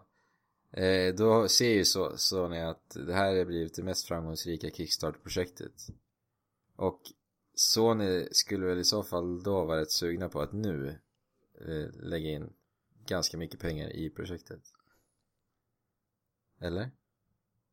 Ja. Ja, ja det, Ja, det ja, lär de ju göra. De, nu- lär de väl vilja få det så bra som, som de bara Ja kan. men precis. Det är det jag menar. Så att, Så att, så att det är De- inte bara Kickstarter och det är inte bara Paypal och det är inte bara donationer från andra håll. Utan de kommer förmodligen ehm, eh, leta fina, finans, fian, fi, fi, äh, vad heter det? Finansiärer. finansiärer eh, och, kom, och kommer få stöd från Sony. Jag vet att de det har ju behövs. redan två stycken finansiärer. Det är Sony och något företag till. Jag minns inte vad de heter nu. så de är- här, för, förlåt Alex. Som är med och finansierar Shenmue 3. Mm. Så det är redan två stycken plus Kickstarten. Ja. De har ju redan otroligt mycket ekonomisk uppbackning. Så Ja. den här, de här 6,3 miljonerna, det fick pengar till Yu Ja, Suzuki. säkert. Men då, det, det jag det jag kan ställa mig bakom är stora profiler som, eh, som vänder sig till Kickstarter för att de har känt sig fjättrade i eh, företagen som de har jobbat i och inte har kunnat leva ut sin kreativitet på riktigt. Ja. Eh, men, men kommer Shenmue 3 att göra det om vi, nu när vi diskuterar det? Alltså, eller skulle, skulle det vara någon skillnad? ja, du menar rent, alltså vad? Nej, utan rent, rent designmässigt. Han skulle väl göra sitt spel som han vill vart ifrån pengarna kom ändå. Eller vem skulle Men- inte gå med på det? Jag menar, det, det är ändå en stor serie som har varit eftertraktad väldigt, Jo. väldigt länge. Men vad jag har förstått så, så har han försökt med det här.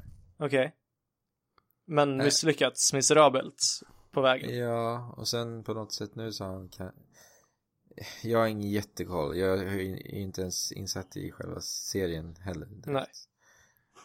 Men sen, sen så har vi projekt som Joakim Laley, eh, där, där är folk som vi litar på, som har hoppat av och vill göra De vill ju möjlighet börja att om göra. från början på något Ja. sätt egentligen. Alltså och göra någonting. De bryter sig ut från sitt företag, Rare. Men precis, bara det att de faktiskt... De lämnar sitt Ja. jobb liksom egentligen Ja. för att chansa på det här. Ja. De Men precis, liksom... då, blir, då blir det en satsning från deras sida och de gör någonting de brinner för. Och det är det jag menar, att de kände sig fjättrade där de, där de var från början. Men det här Mm. öppnar verkligen upp för, för, att, för dem att kunna göra precis så som de vill. För Och här, först... leva och här... sin- Och här leva- förstår... Och här förstår, och här förstår jag ju att eh, Playtonic Games eh, vänder sig till Kickstarter för, som Alex sa, på något sätt eh, mäta av och se eh, hur många som faktiskt vill ha en 3D-plattformare idag. Ja, Det var väl även eh, avhoppare ifrån eh, Bioshock-teamet, vad heter det? Ken eh, Levine? Nej, Bioshock-teamet, vad heter de? Irrational Games. Irrational Ja, Games, som det. avhoppade därifrån som drog upp en Kickstarter och just hade skapat något Bioshock-inspirerat spel. Jag minns inte vad det här spelet heter nu. Det var någonting med någon mystisk hand.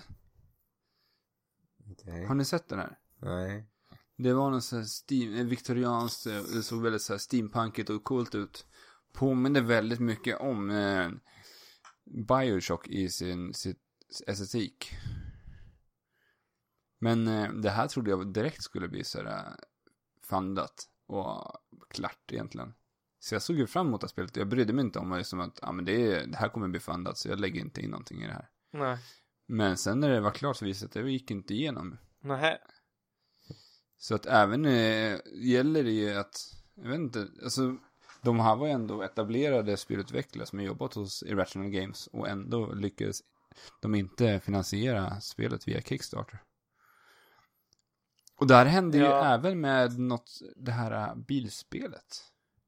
Ja, just det. Ja, ja, som sagt, jag, jag Och de släppte det sen istället på Early Access på Steam.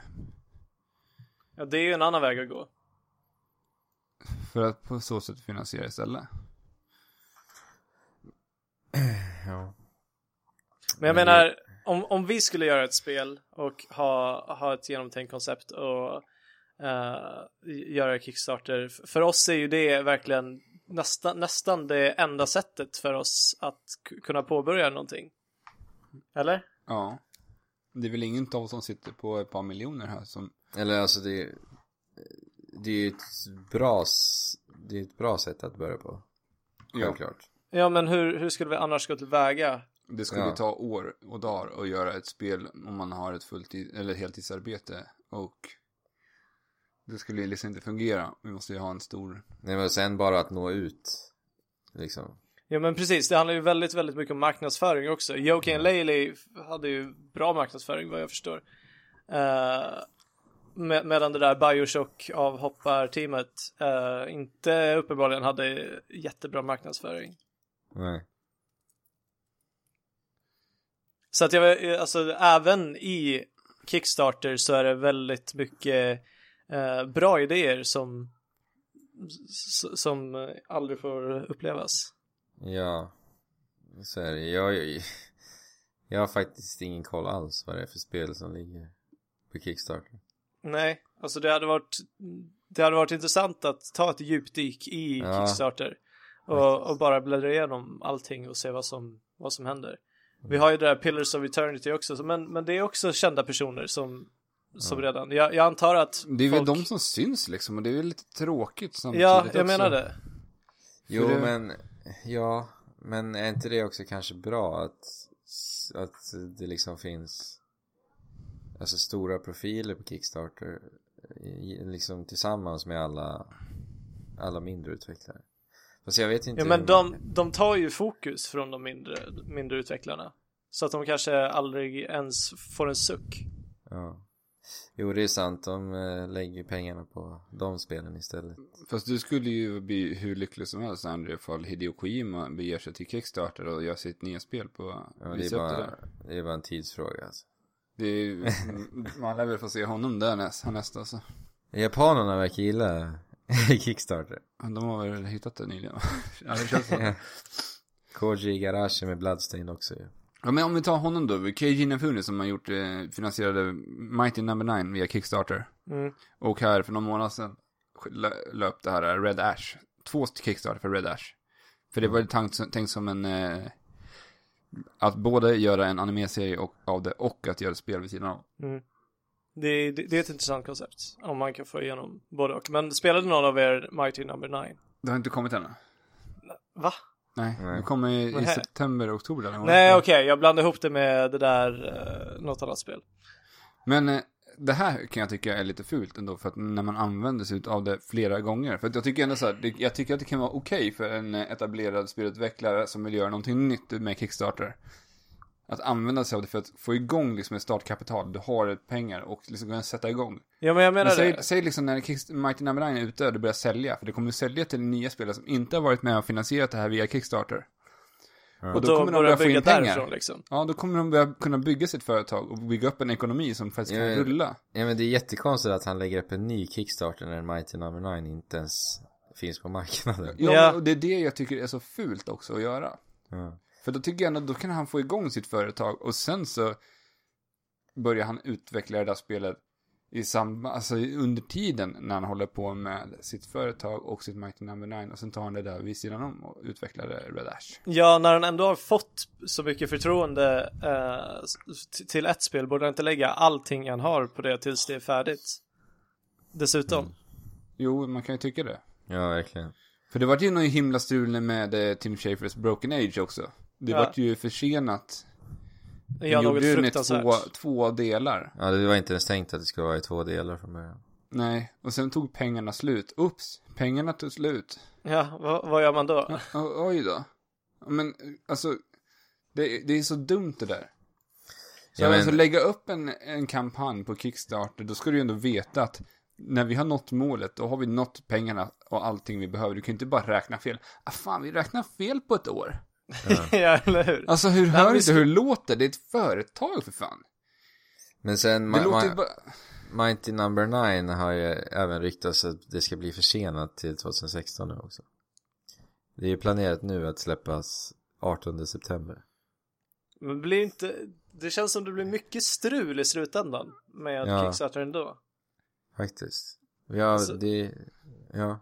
Jag förstår ju att det kan vara svårt att eh, förutse eller förutspå mm, alla ekonomiska omkostnader som kommer att komma upp längs med vägen. Eh, speciellt när det handlar om att göra spel som verkar vara ganska eh, svår, svårtolkat eller, eller svårt att eh, kunna föreställa sig vad det blir i slutändan för att det kan komma upp problem som, som tar hur lång tid som helst eh, att åtgärda. Till exempel, men ja, jag vet inte. Är, är det ett bra koncept till att börja med då, även för den lilla människan? Om det nu ska bara strulas. Jo, men det är klart att det är det. Det är väl en stor möjlighet man har alltså med Kickstarter. Du kan ju liksom Men, få igång ett, ett företag från ingenstans. Man kan nog, man Ja, kan ju nog visst. absolut, man kan ju nog absolut inte förlita sig på Kickstarter enbart. Nej, Nej, absolut verk- inte. nej. Men det är ju ett jättebra sätt att liksom få lite ruljans på någonting som inte ens existerar än. Ett för, nystartat företag liksom. ja, och det, det är inte så lätt som det kanske låter och verkar, uppenbarligen. Jag såg en jättesorglig hemsida där det var massa för, så här Kickstarter-kampanjer som inte hade gått igenom. Ja. Och det var så deprimerande att läsa igenom de här. För det var riktigt, riktigt sorgliga projekt. Jag måste leta upp den här hemsidan och visa er.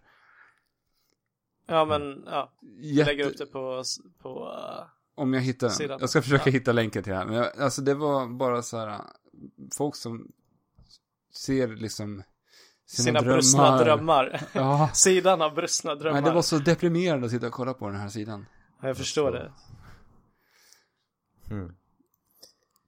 Men jag tycker det, det ska ju användas på rätt vis. Jag tycker inte att man ska försöka använda det som en stor utvecklare. Att gå tillbaka till Kickstarter hela tiden för att bara liksom använda Kickstarter som sin lilla Ja, finansiera det hela tiden för att alltså använd det en gång, få igång ditt företag. Jag ser det mest som en, som det heter, det heter ja ju det Kickstarter. heter Kickstart. Alltså det är ju för att kickstarta någonting, inte för Namnet att säger liksom, sig själv. ja, inte för att du ska gå tillbaka dit och finansiera varenda jävla spel du ska göra.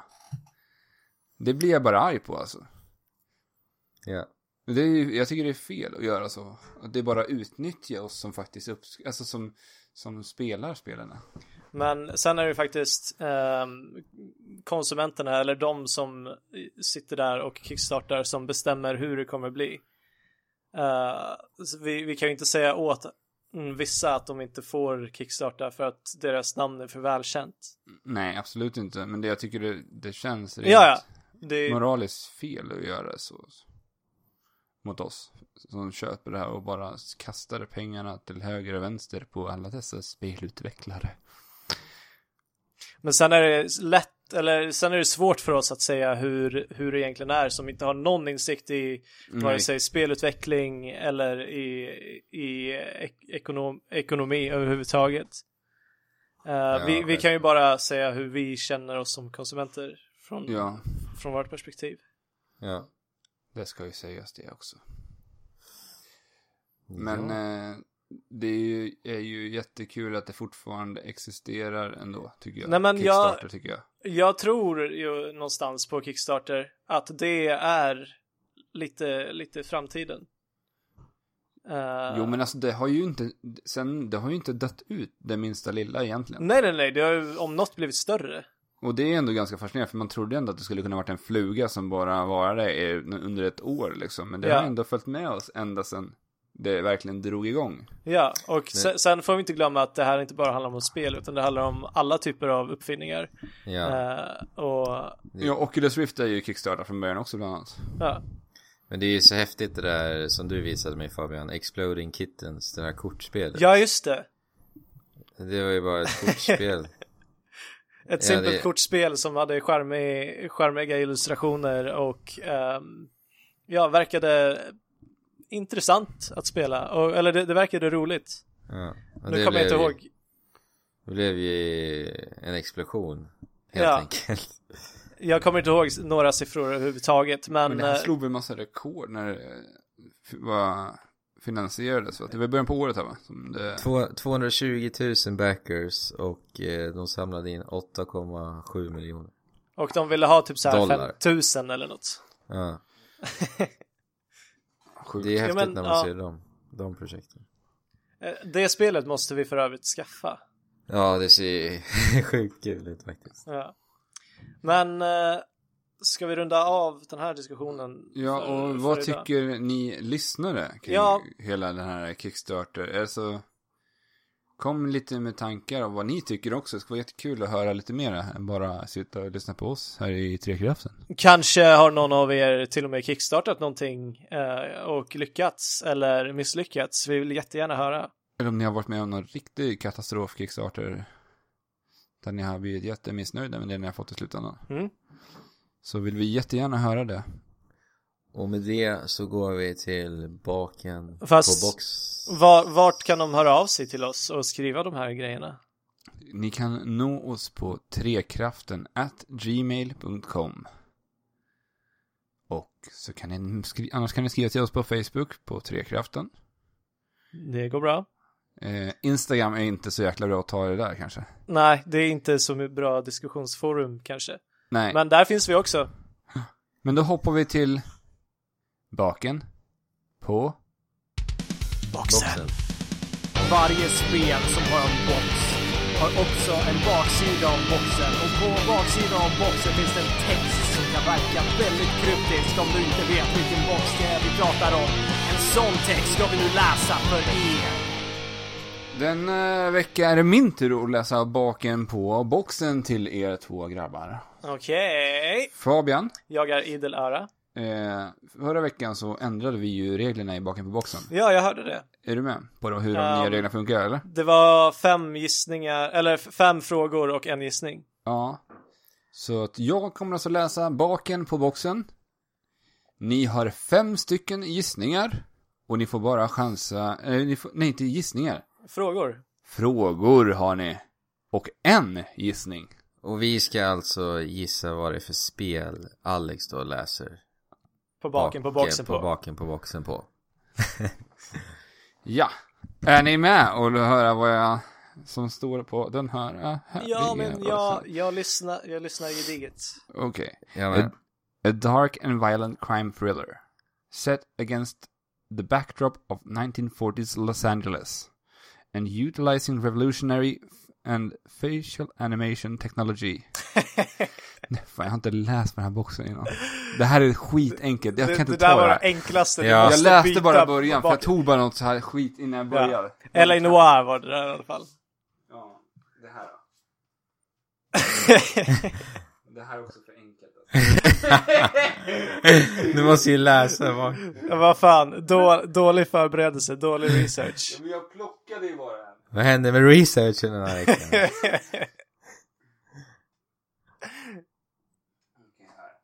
Men om det står någon namn på det så kommer jag säga Ja, då får du inte säga det. Ja, Då får nej. du säga pip. Arne Eller, eller säg this person or this Arne, city eller Arne. ja, Arne. Nej men för fan vad enkel den där Nej var. men vad fan! Vänta. Dålig för... ja. Det här kan det blir svårt för er. Ja, men svårt behöver det inte vara. Ja, det här står på svenska till och med. Jaha. Nej men det här är också fan Va- enkelt. Vad fan? Har du bara enkla boxar eller? Ja, jag tror det alltså. Baken på boxen, baken på boxen, baken, på boxen, baken på boxen, bickala banga, bangala boxen. ja, men eh, lite... ehm, lite avbrottssnack då, Andrew. Ja. Jag tycker om ditt skägg. Eh, jag tycker om eh, eh, dina snickerskakor. Ja, de är ju goda. Har du testat den? nej. Nej. Jag har ett spel som jag tänker läsa. Ja. Okej. Är ni redo att höra vad som står på baken på boxen? Jag är redo att höra vad som står på baken på boxen. Baken på boxen. The first horseman of the apocalypse stands... Men nej.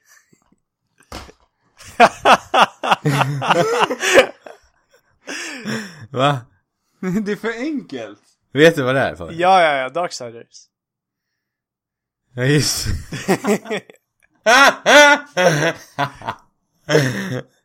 Alltså, enkla spel. Jag tänker ta det här. Det här kommer ni fan inte kunna. nej, okej, kör. Okej. Eller Andrew kanske kan det. Nej, jag vet inte. Kör då. The legendary warrior is back for more action.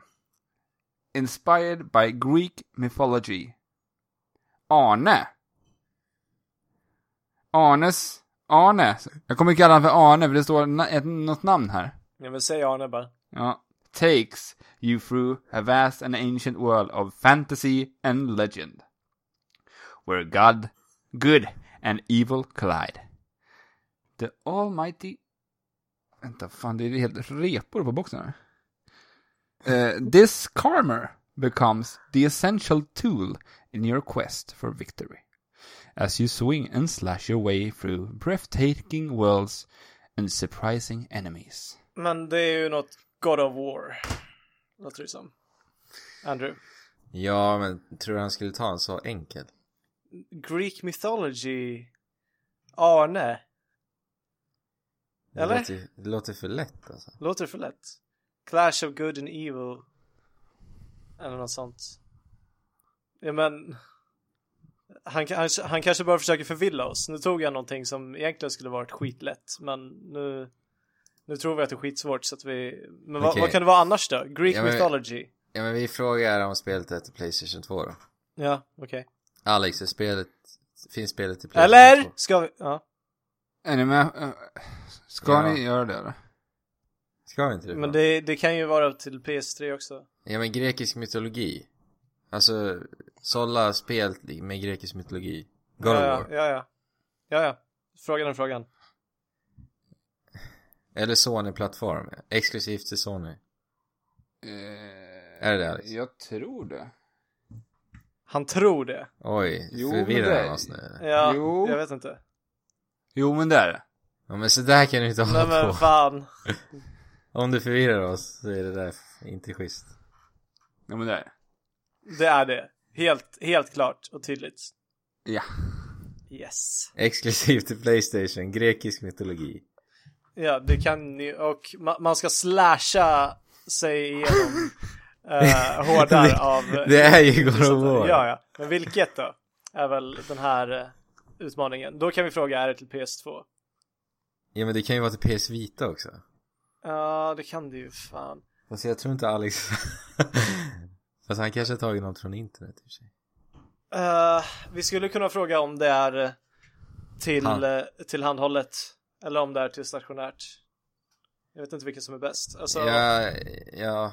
Och då har vi eller tre vi får frågor. ju samma svar. Då har vi tre frågor kvar. Sen kan vi fråga om det är till PS2 eller PS3. Då har vi två frågor kvar. Och sen frågar vi vi... Och då vet vi... Ja. Ja. Okej, är spelet till en handhållen Playstation-konsol? Nej. Okej, då Okej. frågar vi om det är till Playstation 2 eller 3 då. Nej. Du Eller- får ju det säga ja och nej frågor. Men vi får samma utkomst Ja, båda. precis. Så att, Okej, nu har ni frågat två frågor. Är, finns det här spelet till Playstation 2? Ja. Okej, så då är det God of War 1 eller 2? ja. Um, Det låter ju som... är det en uppföljare? Ja men det låter ju som ettan i och med att Ja men precis. uppföljare brukar vara så här bigger and better Ja precis. Men ska vi fråga om det här spelet är en uppföljare bara för Ja, det- sakens skull? Är det här spelet en uppföljare? Nej. Då ska Ska vi- vi säga God of War 1 då. Är det här spelet God of War? Är, är ni med på det här? Ja. Det här spelet är inte God of War. INTE! Nej. Va? Spelet som jag läste upp heter Rygar. The Legendary va? Adventure. Nej! Alltså var det så likt God of War alltså? Alltså Ja. jag tänkte ju på Rygar. Men jag tänkte Va? att, Är det grekisk mytologi alltså? ja alltså vad dum jag är. Jag, jag älskar Ni kunde ju frågat, är det här ett spel i Gears of War-serien? Ja. Ja, i God of, ja, i God of War ja. Ja, det gjorde ni inte. Nej, Nej. nej det där var dåligt av oss Fabian. Ja. Ni Faktiskt. var ju alldeles för du fokuserade lät- på God of War. Ja men Fabian lät så övertygad så jag Ja, blev men så här... jag tänkte verkligen att det bara kunde vara det. Men det, det var bra val av spel av Alex i alla fall. Ja. Bra spel faktiskt. Mm. Och eh, Oväntat. med det så ska vi börja runda av lite för den här veckan då. Det är dags för det. Allting har ett slut. Ja, Även Trekraften podd. vi vill tacka än en gång för all respons vi får på alla våra avsnitt, allt vi gör. Ja, jättetrevligt att vi får lite ord sagda. Ja, eh, vi har väl inte fått jättemycket kommentarer sedan förra veckan angående förra veckans avsnitt sådär. Men Det det är i alla fall lite- roligt att, att ni kommenterar på Instagram har det mest blivit. Ja, Eh, det, och har en liten dialog med oss där. ja jättekul. Och eh, gärna om ni vill faktiskt på riktigt spela Rocket League så hör av er för att Eller eh, för all del Street Fighter 5, ni som är med i betan under helgen. Mm. Om det är någon som har lust att spela med mig och Andrew som har blivit inbjudna till betan. ja. Så lägg gärna till oss på PS4 och skriv en eh, liten eh, hälsning där kanske. Och alla våra online-IDn och så vidare kan ni hitta på våra Wordpress-sida. Men nu när ni eh, explicitly vill att de ska lägga till er på PS4 så kan ni ju säga vad ni heter här också. Men mitt namn är så svårt att T-H-A-D-A-M-E-E-R Dadaimer. Jag heter Pandrew med två V. Du, Eh. W och enkel V efter. ja, precis. Så, Så det är P- V. P-A-N-D-R-E-W-V. Okej. Um, Och vad heter du då Fabian? Ja just det, du har... Nej, jag har ju ingen PS4. Jag är en Nej, fattig liten själ som, som inte har Men eh, Fabian, till nästa vecka så ska du ha spelat någonting tycker jag. Ja, ja, Annars jag, så kommer jag, jag, bli lite, lite ledsen sådär. jag också. Arg. Ja, alltså vi måste nästan bli lite arga på Fabian snart. Men jag tycker att du Fabian ska spela Tembo. Det hade jag tänkt göra. The och Badass Elephant. det, det kommer jag att göra. Jag kommer att köpa det direkt när vi stänger av för den här veckan. Ehm, och sen så tänkte jag, sen har jag länge varit sugen på det här Ocean Horn. Just det. Uh, tänkte jag också sätta tänderna i. Och så ska jag fortsätta på Xenoblade som aldrig verkar ta slut. Nej. Likt... Du fick, en, du fick en några timmar extra nu när du var på resande fot också. Ja, jag Mm. vet inte timmar extra. Det var väl mest timmar som gick åt åt annat. Men... Uh, um, Jo men jag menade i Xenoblade. Ja, men precis. På tåget kunde jag spela lite. Men jag hade ju spelat mer om jag hade varit hemma. Liksom. Så att Och- det är väl inte riktigt sant. Men nästa vecka så kommer vi också att prata om eh, våra absoluta favoritspel. Mm. Så, Så- kommer det bli. Så kanske ni får lite mer hum om Vilka vi är. Ja. Vilka spel som definierar oss. Eh, och ni kan ju redan börja förbereda er på att tänka på vad ni har favoritspel. Så kanske vi eh, innan vi har det avsnittet kan få lite svar från er. Ja. Men eh, då hörs vi nästa vecka. Tack ännu en gång för oss. Ja. Ha det så himla bra. Ha det bra. Ha det. League. Och glöm inte nu att Ut och leka, ut och brottas i lera, ut och gulla med barnen. ordning och reda, pengar på fredag, Imorgon. var sak på sin plats. Om, om ni känner att ni har mycket på era axlar, så sätt er bara ner och ta några djupa andetag. Och